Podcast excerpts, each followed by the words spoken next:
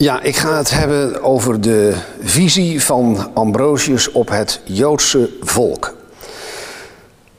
Ambrosius, de meest bekende bisschop van Milaan, wordt als kerkvader zeer gewaardeerd, maar niet door iedereen en in alle opzichten. Een verwijt dat aan het adres van Ambrosius wordt gemaakt, is dat hij wat betreft zijn visie op de Joden aan de verkeerde kant stond. Hij had, zo wordt gezegd, een negatieve visie op de Joden. En ook andere vroeg-christelijke schrijvers zouden deze negatieve visie vertegenwoordigen. Hierbij valt speciaal te denken aan geschriften van auteurs als Justinus Martyr, Tertullianus, Hippolytus en Origenes.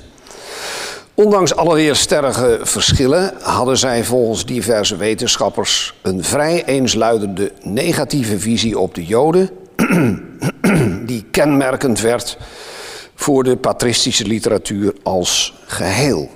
Ik ga mij even wat vloeistof verschaffen.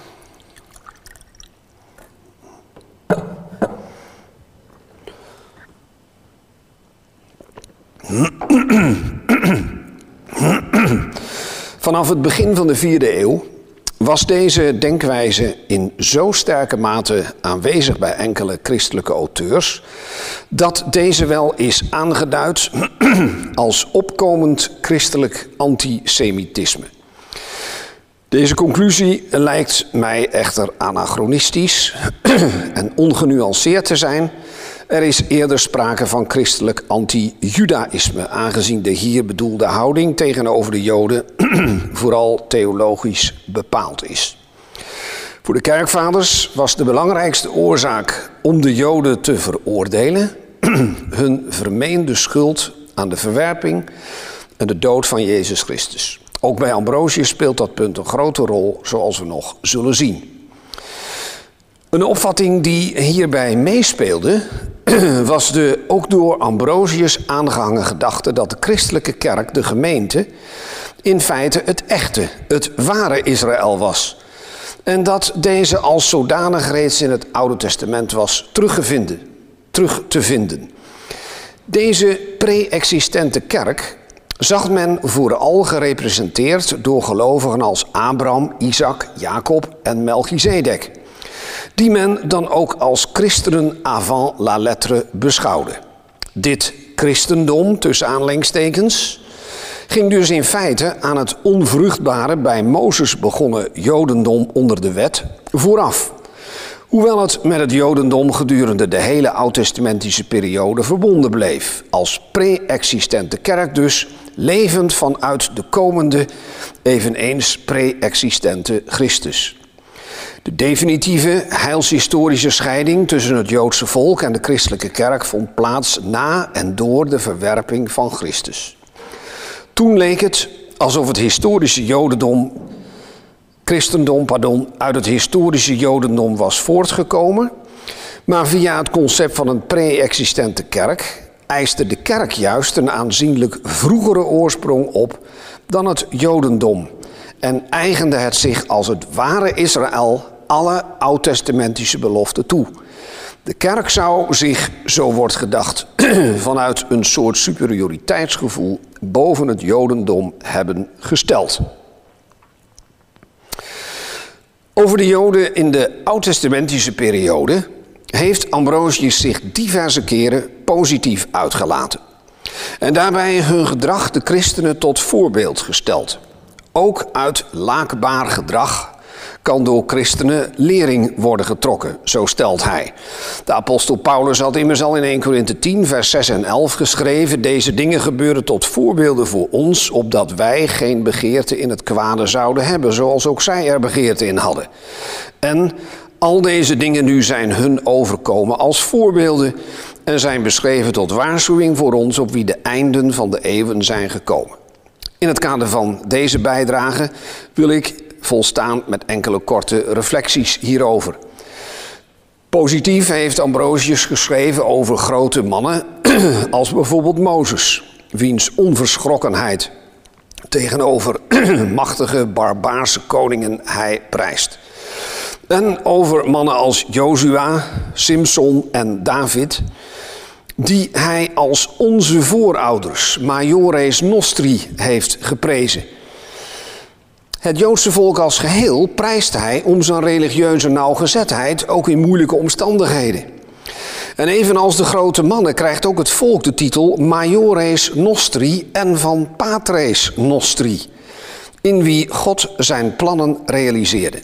Dat deed God bijvoorbeeld door het gemoed van de Perzische koning te besturen, zodat deze een einde maakte aan de ballingschap en het volk Israël weer naar het eigen land liet terugkeren.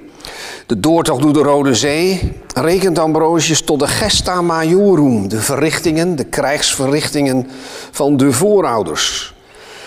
En ook het volk zelf duidt hij bij die gelegenheid weer aan als populus patrum, het volk van de vaderen. In zijn grondig in 1969 verschenen studie over Ambrosius' visie op de relatie tussen het Oude en het Nieuw Testament heeft Victor Haan over de door Ambrosius veelvuldig gebruikte aanduiding patres opgemerkt dat dit voor Ambrosius een allesomvattende aanduiding is voor de voorouders in het geloof, die voortvloeit uit zijn visie op de eenheid van Oude en Nieuwe Testament. Haan had, wat mij betreft, nog beter kunnen wijzen op het gebruik van aanduidingen als dan patres en populus patrum kunnen wijzen op plekken waar die patres expliciet worden aangeduid als patres nostri. Zulke passages zijn er en ik heb er hier vier voor mij. Twee uit het commentaar op Psalm 118, waar de patres nostri onder de Egyptische farao hun slavernij beweenden. En ook waar hij 1 Korinthe 10 vers 1 parafraseert en de patres nostri onder de wolk en in de zee waren. Zo zegt Paulus het trouwens zelf ook letterlijk daar. En in twee andere passages, Deophikis en DK in, citeert Ambrosius uit twee Maccabeeën, letterlijk, en maakt Ambrosius de patres nostri van de auteur van twee Maccabeeën tot de zijne.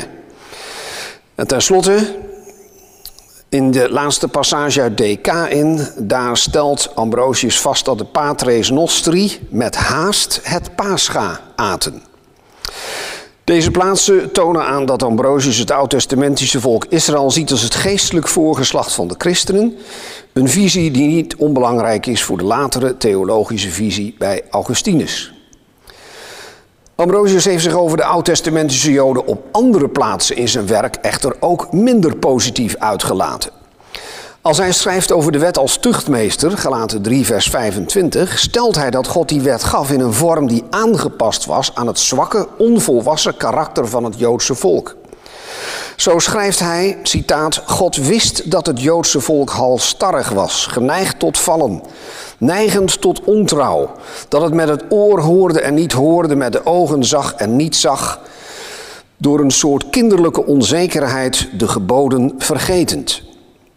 En ook in verband met de besnijdenis vinden we een merkwaardige denigrerende opmerking. Want, zegt Ambrosius, wegens hun onmondigheid hadden de Joden geen volledige voorschriften, maar slechts ten dele.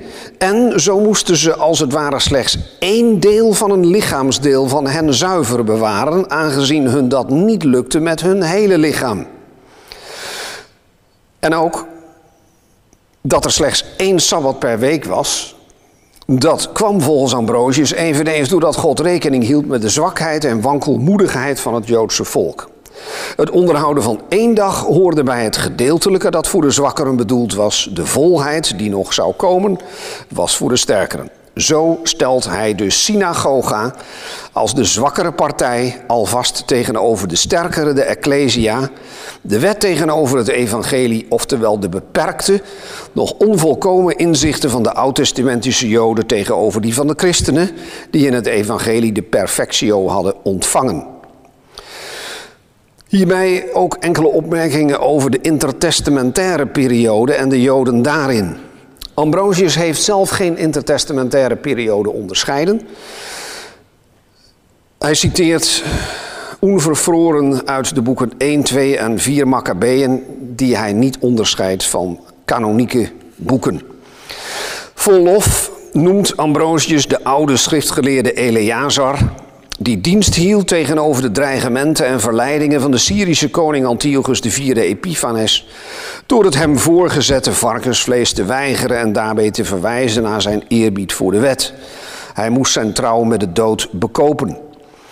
Eveneens complimenteus is Ambrosius voor een zekere Eleazar, die een soort zelfmoordcommando uitvoerde door de supergrote olifant aan te vallen, die hij aanzag voor degene, gezien de omvang van het dier, waarop de aanvoerder van de vijand gezeten zou zijn. En deze moedige man begaf zich onder het dier, stak het dood en bezweek vervolgens onder het gewicht ervan. Het gevolg was dat de vijand niet verder durfde strijden en om vrede vroeg. Ook was Ambrosius positief over de Maccabeeën zelf. Zij lieten zich in tegenstelling tot de Populus Patrum er niet van weerhouden zich op Sabbat te verdedigen tegen de vijand. Hoewel Ambrosius begrip heeft voor de weigering van de Joden om zich op Sabbat te verdedigen, ligt zijn sympathie bij de Maccabeeën omdat die zich realiseren dat het volk door zich principieel niet op Sabbat te willen verdedigen, zichzelf te gronden zou richten. Uitvoerig en met empathie beschrijft Ambrosius ook het beroemde verhaal van een moeder die in die tijd van rampspoed moest aanzien hoe haar zeven zonen één voor één werden doodgemarteld vanwege hun weigering varkensvlees te eten en tenslotte zelf ook werd gedood. Ambrosius sluit zich hierbij aan bij de traditie die vanaf de derde eeuw te signaleren valt, waarin de Maccabeeën en hun heldhaftige tijdgenoten in de christelijke literatuur gaan fungeren als prototype van het christelijk martelaarschap. Zij worden zo een inspiratiebron voor de christenen in tijden van vervolging. Over de Joden uit de tijd na het Oude Testament laat Ambrosius zich veel minder positief uit.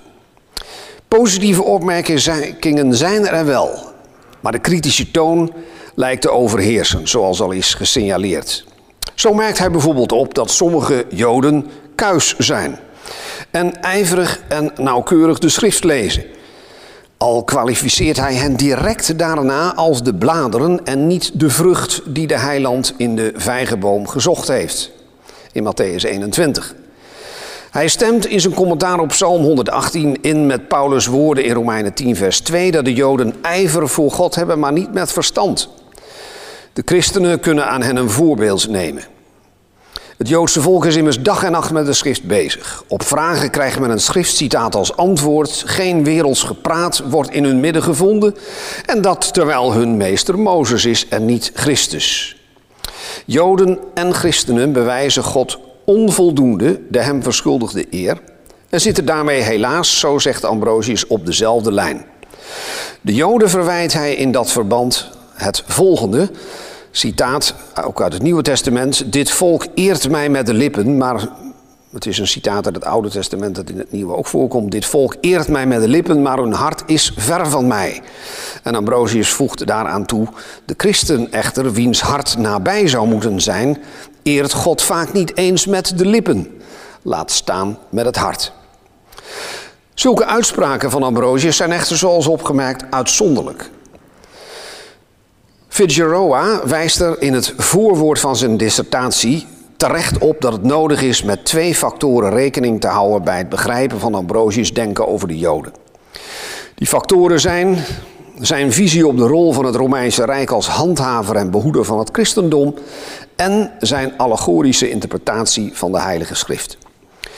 Ook is het aannemelijk dat Ambrosius zichzelf niet alleen theologisch als christen tegenover de Joden plaatst, maar ook boven hen en zo de superioriteit van het christendom wil bewijzen.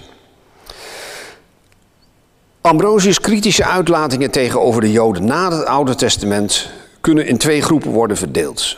Uitlatingen die verband houden met de verwerping van Christus en uitlatingen die verband houden met de Joodse exegese van de Heilige Schrift.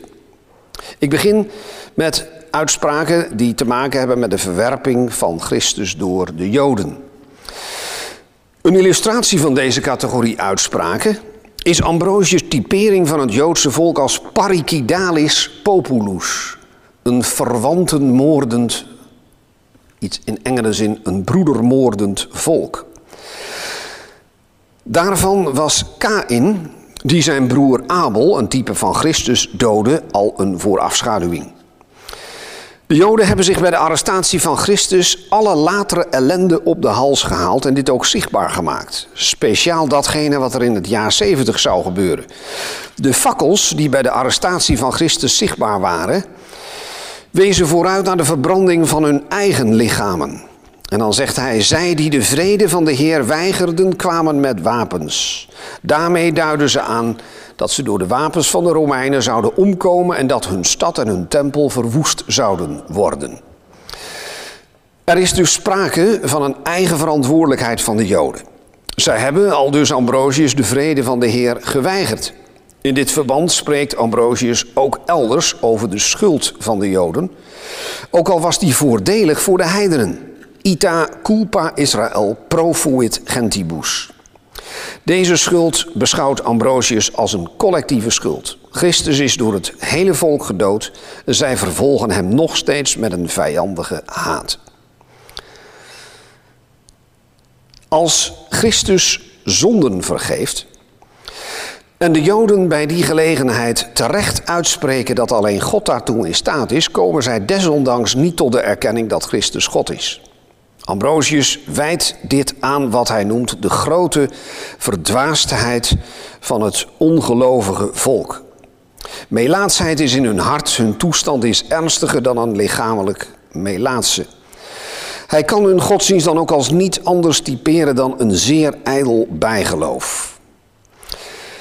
Ambrosius vindt dat de Joden voor hun aandeel in de verwerping van Christus een zwaardere straf verdienen dan de heidenen. Voor deze laatste kan immers onwetendheid als verontschuldiging worden aangevoerd, maar bij de Joden kan dat niet. Bij de heidenen was, kijk naar de Atheners in Handelingen 17, nog sprake van God als een onbekende God. En dat betekent, zegt Ambrosius, dat de Joden in dat opzicht ver over de schreef gingen, want, zegt hij, God was in Judea wel bekend, maar niet aangenomen. Citaat, het is acceptabeler niet in Christus te geloven dan de handen aan hem te slaan. De heiden kan zich beroepen op onbekendheid met de wet en de profeten. De Jood echter heeft alles gelezen om te kunnen geloven dat Christus zou komen, maar heeft dat niet geloofd. Dan de exegese van de Heilige Schrift. Door de Joden, die door Ambrosius wordt afgewezen. Voor de manier waarop Ambrosius de Joden de schrift uitleggen, heeft Ambrosius geen waardering. En dat is wel interessant in aansluiting op eerdere bijdragen. Als hij fulmineert tegen de Arianen en hun in zijn ogen foutieve schriftuitleg, typeert hij deze, en dan citeer ik inderdaad uit Devide boek 2, als gedaan more judaico. De grote fout van de Joden bij het uitleggen van de schrift, zo betoogt Ambrosius, is dat ze niet verder kijken dan de letter van de tekst. Zijn visie op het verschil tussen de Joodse en de christelijke exegese is schematisch. Als volgt weer te geven: de Joden focussen op de littera, de christenen op de gratia, de letter, de genade. De Joden op de intellectus secundum litteram, het verstaan, het begrip naar de letter. De christenen op de intelligentia spiritalis, en zo ook is de visie op de wet bij de Joden een lex carnalis, terwijl de christenen weten het is voor hen een lex spiritalis. Volgens de Joodse exegese kan volgens Ambrosius niemand behouden worden, want de wet spreekt de vloek uit, maar de geest de zegen. Hij zegt ook, de Joden hebben geen diep begrip van wat de goddelijke wet onderscheidt. Want dat zijn tekenen. Het is niet de waarheid. En de wet is hier dan een aanduiding voor het hele Oude Testament. Elders schrijft Ambrosius dat alleen hij hoort die begrijpt wat hij hoort. En de wet is nou eenmaal geestelijk. De Jood die wat Ambrosius noemt lichamelijk hoort, hoort haar niet. Maar slechts hij hoort haar die in de geest, oftewel geestelijk hoort. De Joden hebben de boeken, maar de betekenis van de boeken hebben ze niet. Ze hebben de profeten, maar hem van wie de profeten spraken, hebben zij niet. zij volgen de overlevering van mensen, maar verwaarlozen die van God. Ja, dat zijn uh, stevige uitdrukkingen. En als Ambrosius dan de relatie tussen de synagoga en de ecclesia, de jodendom en het christendom ter sprake brengt, valt op dat hij de joden enerzijds verwijt dat zij Christus hebben verworpen, terwijl hij daar anderzijds, zoals we al zagen, dankbaar voor is. De verwerping van Christus door de Joden heeft immers geleid tot het ontstaan van de Ecclesia ex gentibus congregata, een kerk, een gemeente verzameld uit de volken. Toen kozen zij, de Joden, tegen de waarheid en voor het kwaad, met als gevolg dat de door de Joden verloren waarheid in het bezit van de kerk kwam. Christus ging, zegt Ambrosius, van de synagoga naar de Ecclesia, omdat de Joden hem vroegen uit hun midden te vertrekken. Zo ontstond al dus Ambrosius tussen de kerk en de synagoga een onoverbrugbare kloof die een christen alleen kan overbruggen als hij zijn eeuwig heil op het spel wil zetten, spel wil zetten en een jood alleen als hij zijn kruis opneemt. Op het moment dat de joden sliepen, heeft de kerk het koninkrijk, en volgens Ambrosius is het koninkrijk Christus, als het ware aan de synagoga ontroofd. De Joden hebben dit zelf uitgesproken. Ze erkenden immers dat de christenen hem geroofd hadden toen zij zelf sliepen. Dit roven van het koninkrijk der hemelen, van Christus dus, vond plaats toen hij, zegt Ambrosius, door zijn volksgenoten verlogend, maar door de volken, de heidenen, geëerd werd. Ambrosius plaatst bepaalde gebeurtenissen uit het Oude Testament in een heilshistorisch kader. In die zin dat hij het Oude Testament vervuld ziet in het Nieuwe. Zo is volgens hem het Joodse volk, gesymboliseerd door Hagar, verdreven. De kerk, gesymboliseerd door Sarah, is de vrije. De kerk kan zich nu vormen vanaf de einden van de aarde uit de volken. Ambrosius benadrukt dat dit alles zich volgens Gods bedoeling en dus in een heilshistorische lijn heeft voltrokken. Ik citeer: De heidenen zijn verstoten opdat Israël werd uitverkoren.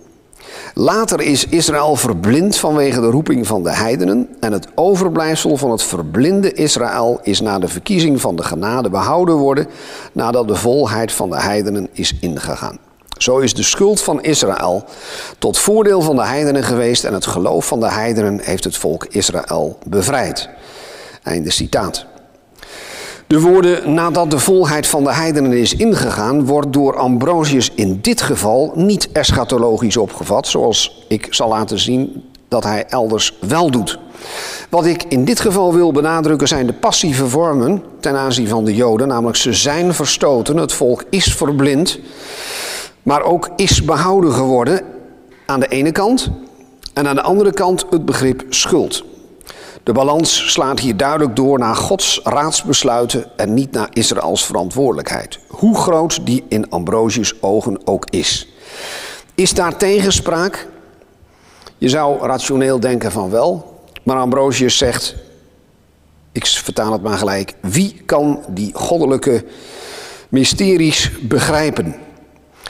En dan citeert hij het slot van Romeinen 11, waar ook Paulus zich verwonderend afvraagt, o diepte van de rijkdom, zowel van de wijsheid als van de kennis van God. Toch trekt Ambrosius een aantal stevige praktische consequenties uit zijn visie op de Joden. Op dit moment, en daarmee bedoel ik in het huidig tijdsgevricht, in de christelijke bedeling, dient men hen op één lijn te stellen, zegt hij, met ketters, schismatici en heidenen. Met wie niet alleen bijvoorbeeld een huwelijk ongeoorloofd is, maar aan wie men in zeker opzicht zelfs onrecht mag doen. En deze mening van Ambrosius is niet beperkt gebleven tot zijn studeerkamer of preekstoel, zoals nu zal blijken. Want ik wil ook kort die zogenaamde Kalinicum-kwestie of Kalinicum-affaire bespreken. En dan zitten we even weer midden in het leven van de vierde eeuwse Ambrosius. In Kalinicum, in, uh, bij de Eufraat, werd in 388, Als u het verhaal voor het eerst hoort, probeer het even te vatten. In Kalinicum aan de Eufraat werd in 388 door christenen een synagoge verwoest. Ambrosius heeft zich er actief voor ingezet om de kosten van de herbouw van deze synagoge nou juist niet op de daders, de christenen, te laten verhalen. En dat is hem nog gelukt ook. Afgezien van een tweetal brieven van Ambrosius is de kwestie te reconstrueren op basis van een relaas van Ambrosius' secretaris, zijn naam is al genoemd, Paulinus van Milaan. Die de hele kwestie na Ambrosius' dood samenhangend heeft beschreven in zijn rond 422 op verzoek van Augustinus geschreven Vita Ambrosii in de hoofdstukken 22 en 23. Zijn relaas laat zich als volgt samenvatten. Te Kalinicum is door christenen een synagoge in de as gelegd omdat de Joden de christelijke monniken zouden hebben bespot. Als keizer Theodosius een rapport over deze gebeurtenis onder ogen krijgt, beslist hij dat de synagoge door de plaatselijke bisschop op dienstkosten moet worden hersteld. Als Ambrosius dit hoort, schrijft hij Theodosius een brief, waarin hij deze verzoekt dit vonnis te herroepen. Als Ambrosius vervolgens preekt in aanwezigheid van Theodosius, trekt hij in zijn preek een parallel tussen de geschiedenis van David en Nathan en het appel dat hij zelf nu als bisschop op Theodosius doet. Na de preek volgt een gesprek tussen Theodosius en Ambrosius, waarin deze laatste tenslotte weet te bewerken dat de keizer de opdracht de synagoge te herstellen intrekt. Er volgt nog een verwijzing naar Ambrosius' brief aan zijn zuster Marcelina, waarin de tekst van de gehouden preek en een weergave van het daaropvolgende gesprek van Ambrosius met de keizer integraal zijn opgenomen. Na dit beknopte overzicht bestuderen we de beide genoemde brieven nader en beperken ons daarbij tot de argumenten die specifiek Ambrosius' visie op het Joodse volk betreffen. In zijn brief aan Theodosius vraagt Ambrosius zich af of de bisschop misschien inderdaad wat te hard van stapel is gelopen bij zijn bevel, waar nu pas sprake van is, de synagoge in brand te steken.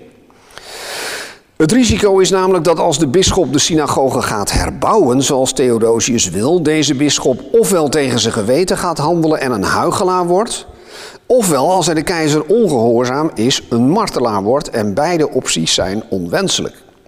Ambrosius neemt daarom zelf de morele verantwoordelijkheid voor het in as leggen van de synagoge te Kalinicum en geeft als reden, ik citeer, hij, Ambrosius, wilde niet dat er een plaats was waarin Christus gelogend werd. Nou, als dat je standpunt is over het bestaan van synagogen, dan wel de opdracht een kapotgemaakte synagoge te herbouwen, dan kun je vragen stellen over Ambrosius en ook synagogen die wat dichter bij hem in zijn werkgebied lagen. Je zou je kunnen afvragen waarom heeft Ambrosius dan geen aanstalten gemaakt de synagoge in zijn eigen stad Milaan in de as te leggen? Nou, die vraag heeft Ambrosius voorzien en hij zegt dat heb ik niet hoeven doen, omdat die synagoge al bijna door een oordeel van God verbrand was. Uitleggers die hierover nagedacht hebben, denken dat Ambrosius doelt op een blikseminslag. Er is al, zonder dat Ambrosius in actie hoefde te komen, door God zelf actie ondernomen. En dus was Ambrosius' activiteit niet meer nodig. Maar het herstellen van de synagoge in Kalinicum door christenen zou volgens Ambrosius een triomf zijn voor de Joden, een buit behaald op het volk van Christus. En die vreugde mag keizer Theodosius niet gegeven worden. Hij zou dan de Joden een reden geven een nieuwe feestdag aan hun reeks bestaande reeks feestdagen aan hun reeds bestaande reeks feestdagen toe te voegen om daarop deze triomf over de christenen te kunnen gaan vieren. Ambrosius zegt, je zou dan een gebouw krijgen waar ze een mooi bord op kunnen zetten waarop staat Tempel van de Goddeloosheid, gemaakt van de op de christenen behaalde oorlogsbuit. En dan wijst hij ook nog op het feit dat toen keizer Julianus de afvallige de herbouw van de in 70 verwoeste tempel in Jeruzalem had bevolen, de arbeiders door vuur uit de hemel zijn getroffen. En hij vraagt Theodosius Bent u niet bang dat dat nu ook weer zal plaatsvinden? Alleen al het feit dat een man als Julianus dit bevel heeft uitgevaardigd, namelijk om de tempel te herbouwen, zou Theodosius van iets soortgelijks moeten weerhouden. Want, en dan volgt er weer iets lelijks, een synagoge was immers een plaats van trouweloosheid, een huis van goddeloosheid, een bewaarplaats van waanzin door God zelf veroordeeld. Kort samengevat, Ambrosius is van oordeel dat het specifieke feit van het bouwen van een synagoge door christenen heilshistorisch een onvergeeflijke stap terug zou zijn. Zijn krachtige anti-Joodse opmerkingen en kwalificaties zullen echter in dit geval vooral moeten worden gezien als een retorisch middel in een vlammend betoog tegenover keizer Theodosius om zijn doel te bereiken. Nou, dan sla ik over wat hij daar nog over schrijft aan zijn zuster Marcelina. Dat kunt u later in de congresbundel lezen. Want ik wil nog naar een uh, positief gedeelte waarmee mijn verhaal uh, wordt afgesloten. En dat heb ik genoemd Heil voor de Joden en voor het Joodse volk. Ondanks de kritische en in een aantal gevallen ook veroordelende toon waarop Ambrosius over de Joden sprak, treffen we ook uitspraken aan die spreken over de mogelijkheid tot bekering voor individuele, individuele Joden na het kruis en over de bekering van het Joodse volk als geheel in de eschatologische periode. Gaan we eerst naar de mogelijkheid voor Joden om zich nu te bekeren, wij zouden zeggen om christen te worden in deze tijd. Deze groep uitspraken kun je groeperen rond Romeinen 11, vers 5, waar Paulus schrijft: Zo is er dan ook in de tegenwoordige tijd een overblijfsel naar de verkiezing van de genade. Ambrosius schrijft bijvoorbeeld: Haar, namelijk de synagoge, heeft hij, Christus, niet verlaten, opdat het overblijfsel behouden zou worden. Ons heeft hij verlost door de heidevolken te verkiezen deze verkiezing van de heidenen betekent dus het heil voor de Joden, want het overblijfsel is niet door eigen werken, maar door de verkiezing van de genade behouden geworden. Het is dus de genade van Christus die zowel ons heeft verlost als het overblijfsel heeft levend gemaakt. Hier blijkt de behoudenis van het overblijfsel al gerealiseerd te zijn. Evenals in de volgende uitspraak, citaat, de volken zijn verdreven opdat Israël uitverkoren werd destijds in Canaan. Later is Israël verblind wegens de roeping van de volken. En het overblijfsel van het verblinde Israël is volgens de verkiezing van de genade behouden geworden nadat de volheid van de volken is ingegaan. Zo was de schuld van Israël voordelig voor de heidenen. Het geloof van de heidenen heeft het Joodse volk bevrijd. Einde citaat. Ambrosius denkt hier met name aan de apostelen als kiem van het gelovig overblijfsel van een verblind volk. En dan weten we, hoewel ik daar verder geen onderzoek naar heb gedaan, dat Ambrosius zich ook persoonlijk heeft ingespannen voor de bekering van Joden tot het christendom. En benadrukt heeft dat een verlossing door genade ook voor hen in deze tijd mogelijk is. Ik ga naar de eschatologische periode. Als het om de bekering van het Joodse volk in de toekomst, in de eschatologische tijd gaat, is Ambrosius uitgangspunt ook een stukje uit Romeinen 11, maar niet vers 15, wat ik eerst noemde. 5, pardon, dacht dat ik het verkeerd zei. Maar uit vers 25, waar staat, en dat door hem als volgt geciteerd wordt, Romeinen 11, vers 25, 26, omdat er voor een deel over Israël verblinding is gekomen totdat de volheid van de volken inging en zo heel Israël behouden werd. Ambrosius laat het reeds beschreven overblijfsel naar de verkiezing van de genade in de tegenwoordige tijd.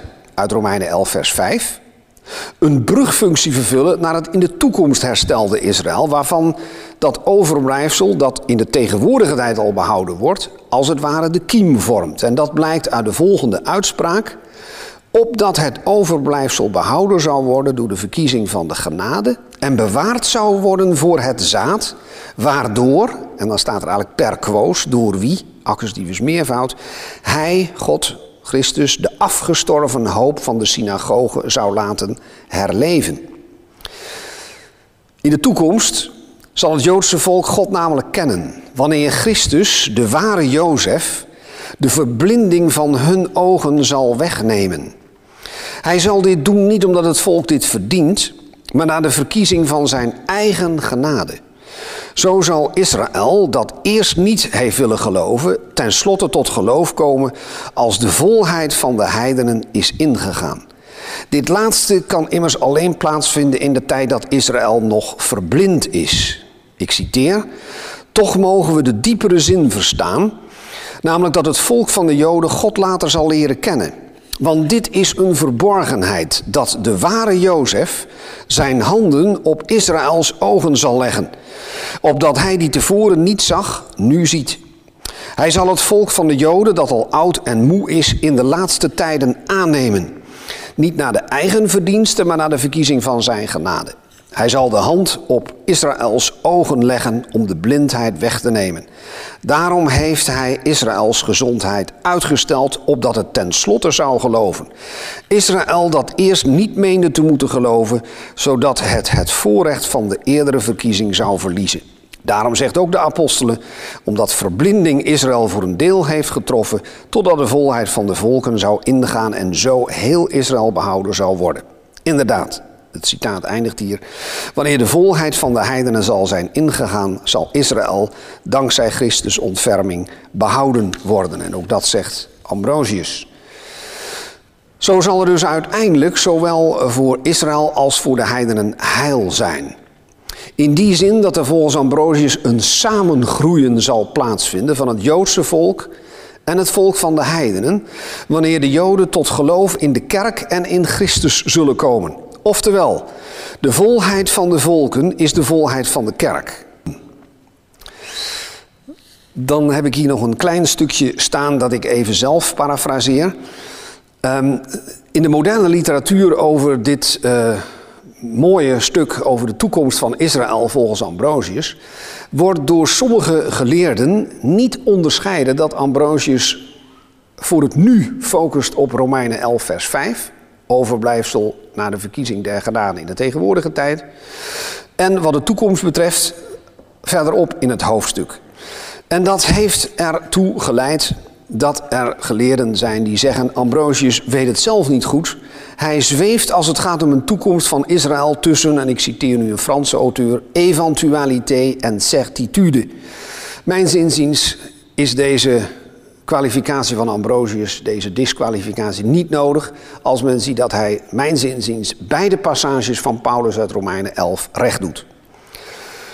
Slotalinea.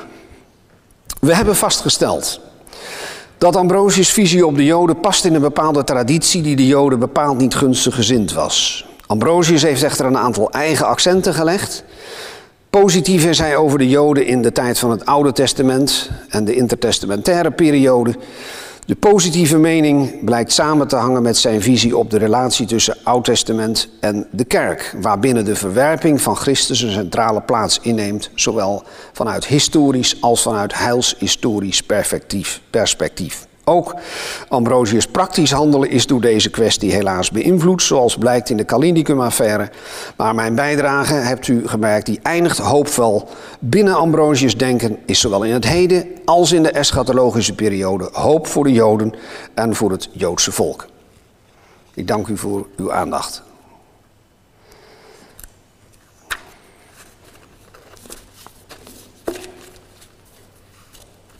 Ik wil jou ook danken Gerard voor het uitspreken van deze bijzonder waardevolle lezing, waarop wat mij betreft nog heel wat te zeggen valt. En daarom wil ik eh, eigenlijk iedereen uitnodigen die wil reageren om dat te doen. Want het lijkt me dat in deze lezing van jou nogal wat ja, toch belangrijke dingen voorbij gekomen zijn, waar ook best heel wat discussie op zou kunnen komen. Dus ik wil jullie graag in de gelegenheid stellen, of misschien de Belgische collega's, dat die via Benno Zuidam een vraag stellen. Uh, is er op dit moment iemand die een vraag zou willen stellen? anders wil ik zelf ook nog wel een vraag stellen. Ja, ik heb zelf het idee dat Ambrosius eigenlijk, ehm, zonder dan te spreken over onzekerheid, maar dat hij toch wel ook uh, zoekend is. Aan de ene kant die uh, helshistorische lijn, die, die staat voor hem vast. Hè? Dus God heeft zijn plan, ook met het Joodse volk. En ook zal er een volheid zijn waarin ook dat Joodse volk besloten is. Hmm. En tegelijkertijd is er ook een soort van, ja, uh, zou ik kunnen zeggen, veroordelen van in ieder geval het feit dat ze Christus hebben gekruisigd. Hè. Dat is natuurlijk even voor iedereen, vooral van de livestream, de meesten hier weten dat wel, maar een, eigenlijk een topic wat elke keer terugkomt. Dus dat de Joden hebben Christus gekruisigd, dus ze hebben hun zaligmaker gedood. Ze hebben dus eigenlijk iets gedaan wat heel verschrikkelijk was.